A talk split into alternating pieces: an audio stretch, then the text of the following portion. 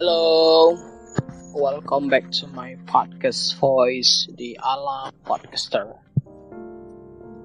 So, minggu ini kita punya tema se-interesting menurut saya itu cukup menarik untuk di-explain atau dibahas. Dan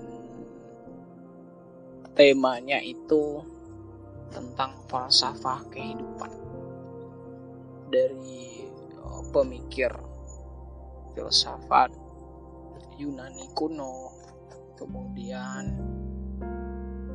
pepatah pepiti falsafah dari orang-orang tertua dahulu kemudian pemikir filsafat di era 90-an di Indonesia dan dan ini podcast yang kedua di ala podcaster ini.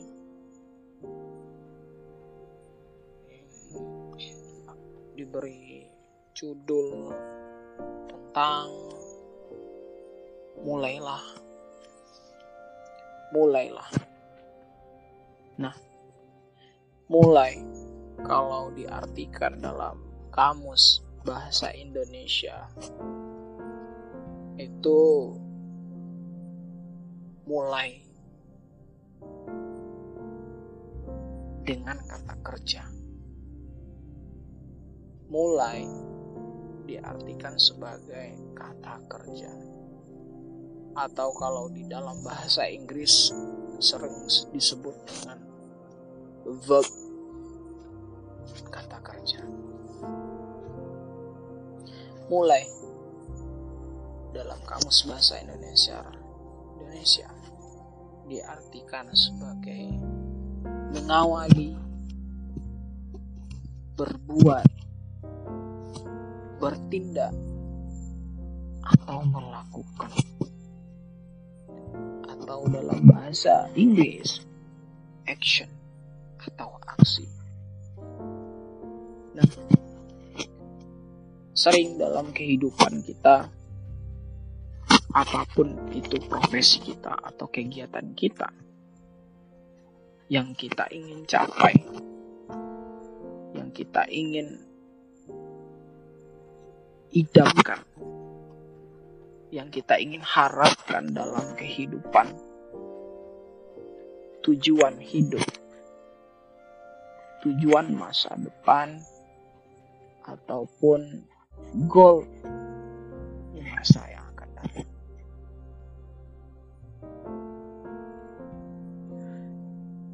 Taruhlah kita sebuah seorang mahasiswa, seorang siswa, atau mungkin seorang pengusaha, entrepreneur, atau karyawan di sebuah perusahaan atau mungkin kita seorang pekerja buruh dan lain-lain. Kita punya tujuan atau goal yang kita capai. Seorang mahasiswa saya harus tamat dalam jenjang S1 ini kumlot atau mungkin setelah tamat S1 ini saya harus studi S2 atau mungkin studi magister degree di luar negeri. Ataupun mungkin di dalam negeri. Kita punya impian, kita punya cita-cita tujuan hidup yang masa akan datang. Nah, sering kita lupa bahwa tujuan kita itu atau goal kita itu akan dicapai jikalau kita mulai start dari sekarang mulailah tanpa itu kita mungkin tidak akan bisa mencapai goal-goal yang kita inginkan. Kalau di dalam filsafat dan etika, filsafat etika, ada yang disebut dengan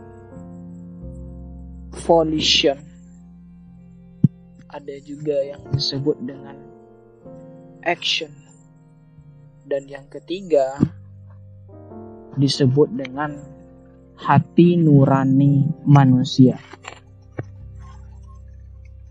Nah, volition itu diartikan sebagai perencanaan atau kehendak atau kemauan manusia itu sendiri. Semisal kita seorang mahasiswa seperti tadi, kita punya ingin mencapai goal setelah tamat S1. Kita berencana atau berkehendak atau mau melanjutkan S2 di luar negeri ataupun di dalam negeri. Itu langkah pertama. Tentukan perencanaan kehendak. Kemudian yang kedua, action. Lakukanlah mulailah berbuat sesuatu. Action. Berbuat sesuatu. Dan yang ketiga dari volition ke action di tengah-tengahnya. Ada hati nurani.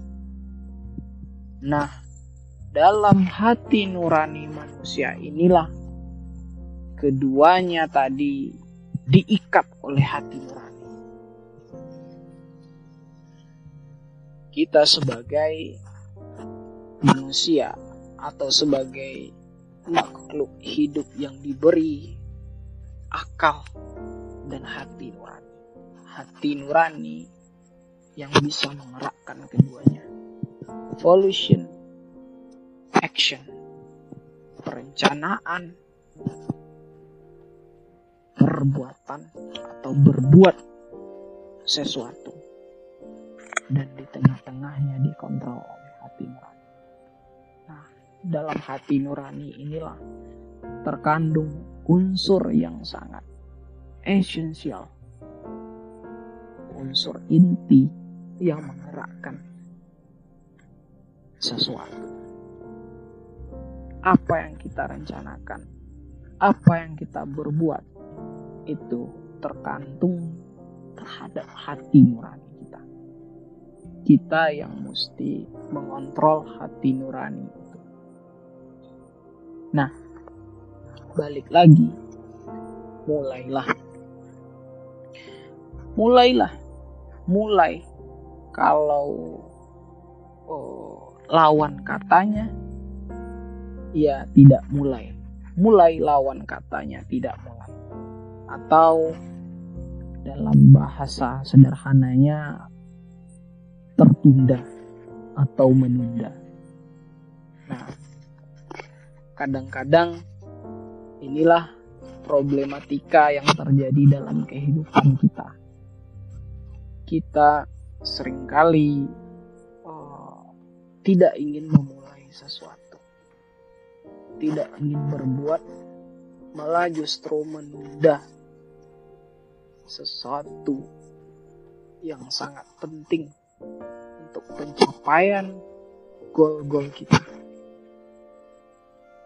Menunda berarti kita tidak melangkah ke arah yang positif, ke arah yang justru sedikit demi sedikit meningkatkan kualitas dari apa yang kita ingin capaikan tadi.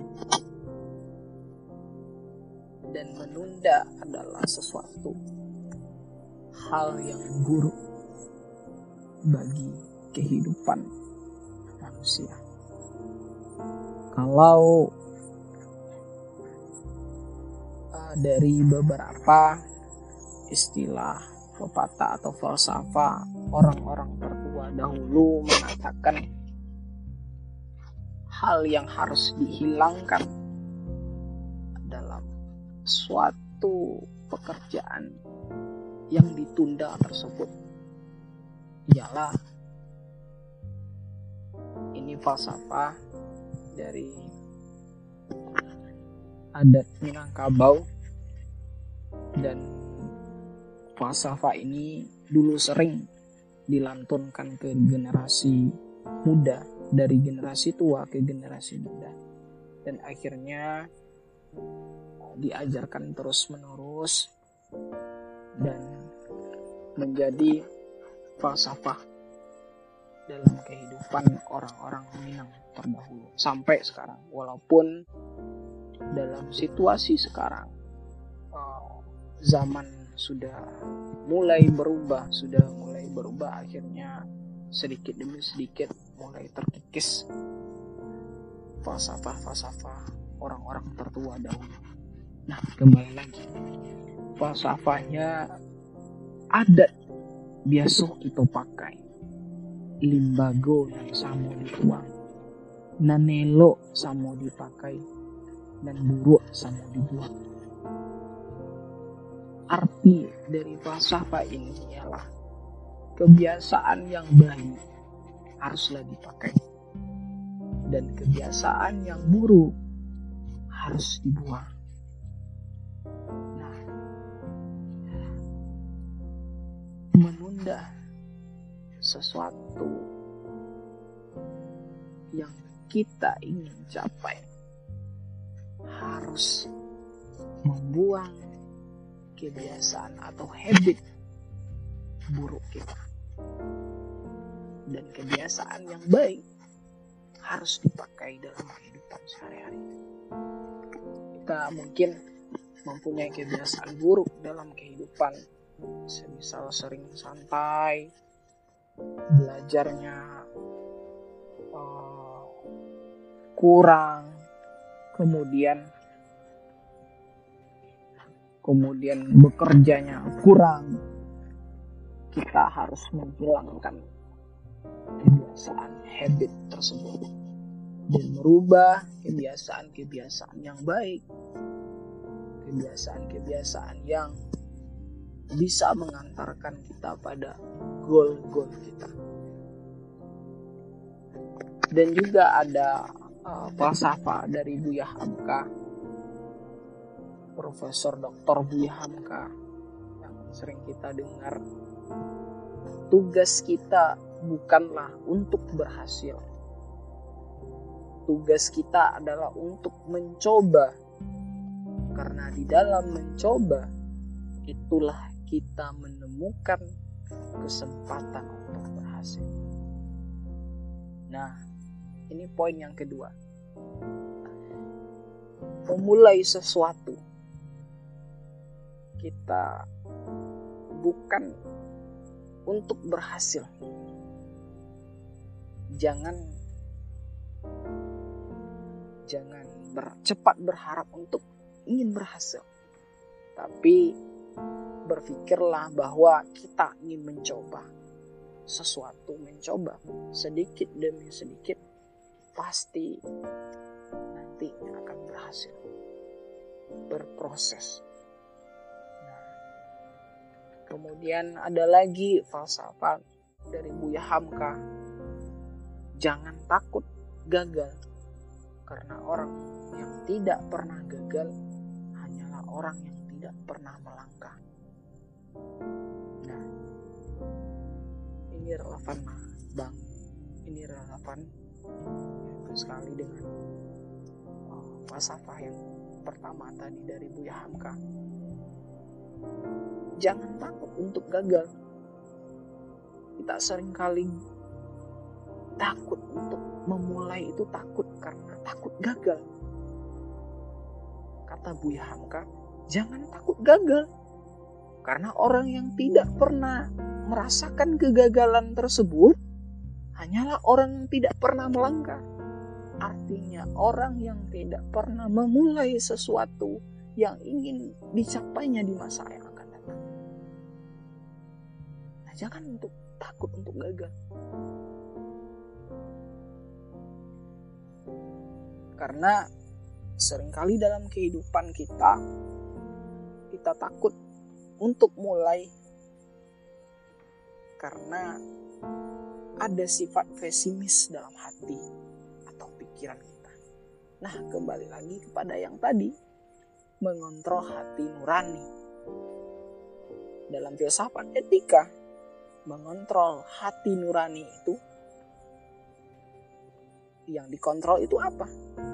Tadi, volition, action, perencanaan atau kehendak dan perbuatan.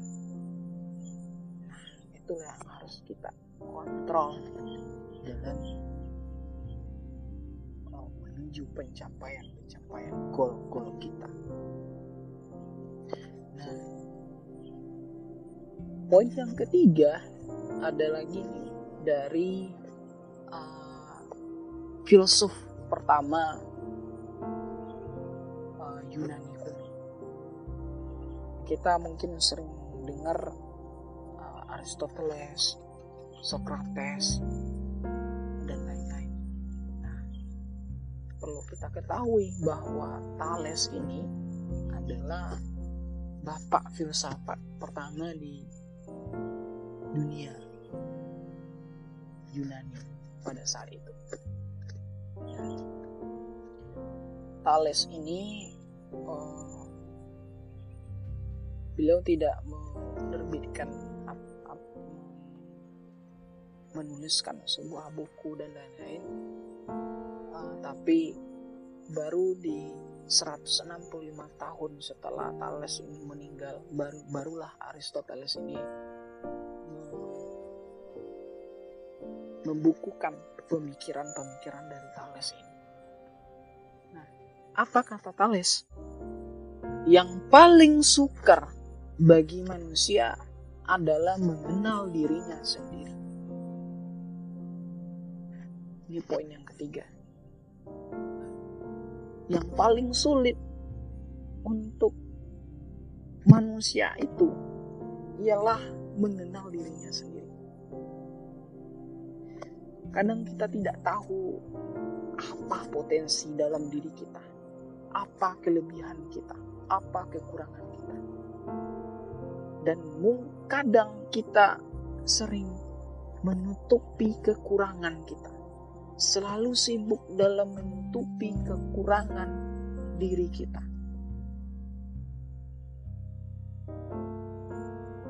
Dan kita kadang tidak merasa ada kelebihan sama sekali. Padahal kata Thales, sibuklah untuk untuk memikirkan kelebihan-kelebihan dalam diri kita. Jangan sibuk menutupi kekurangan-kekurangan dalam diri kita. Sibuklah dengan itu. Maka, kata Thales, ini poin yang sangat sangat esensial sekali. Kenali diri kita sendiri. Apa potensi kita? Apa kelebihan kita? Dan apa kekurangan kita? Tingkatkan kelebihan atau sibukkan untuk melengkapi kelebihan kita. Dan jangan sibuk untuk memikirkan kelemahan-kelemahan kita. Karena itu membuang-buang energi, membuang-buang daya pikir kekuatan kita untuk perencanaan atau mencapai goal-goal kita. Maka memulai sesuatu itu harus mengenali diri kita. Memang sulit kata Thales, tapi kita bisa mengenali diri kita sendiri dengan cara yang tadi. Memang sulit, tetapi sedikit demi sedikit kita akan menemukan potensi yang besar dalam kehidupan atau dalam diri kita sendiri. Dan hmm, mungkin itu hmm, pembahasan kita di podcast kali ini dan ikuti juga uh, Spotify ala podcaster dan di Instagram ala podcaster dan juga kalau teman-teman punya mempunyai Tumblr atau blog silahkan lihat dan follow uh, Tumblr kami atau blog kami di ala penulis. Kalau di Tumblr ala penulis. Kalau di blogspot.com ala penulis dan S-nya dua. dan terima kasih pada teman-teman yang mendengarkan see you next time See ya.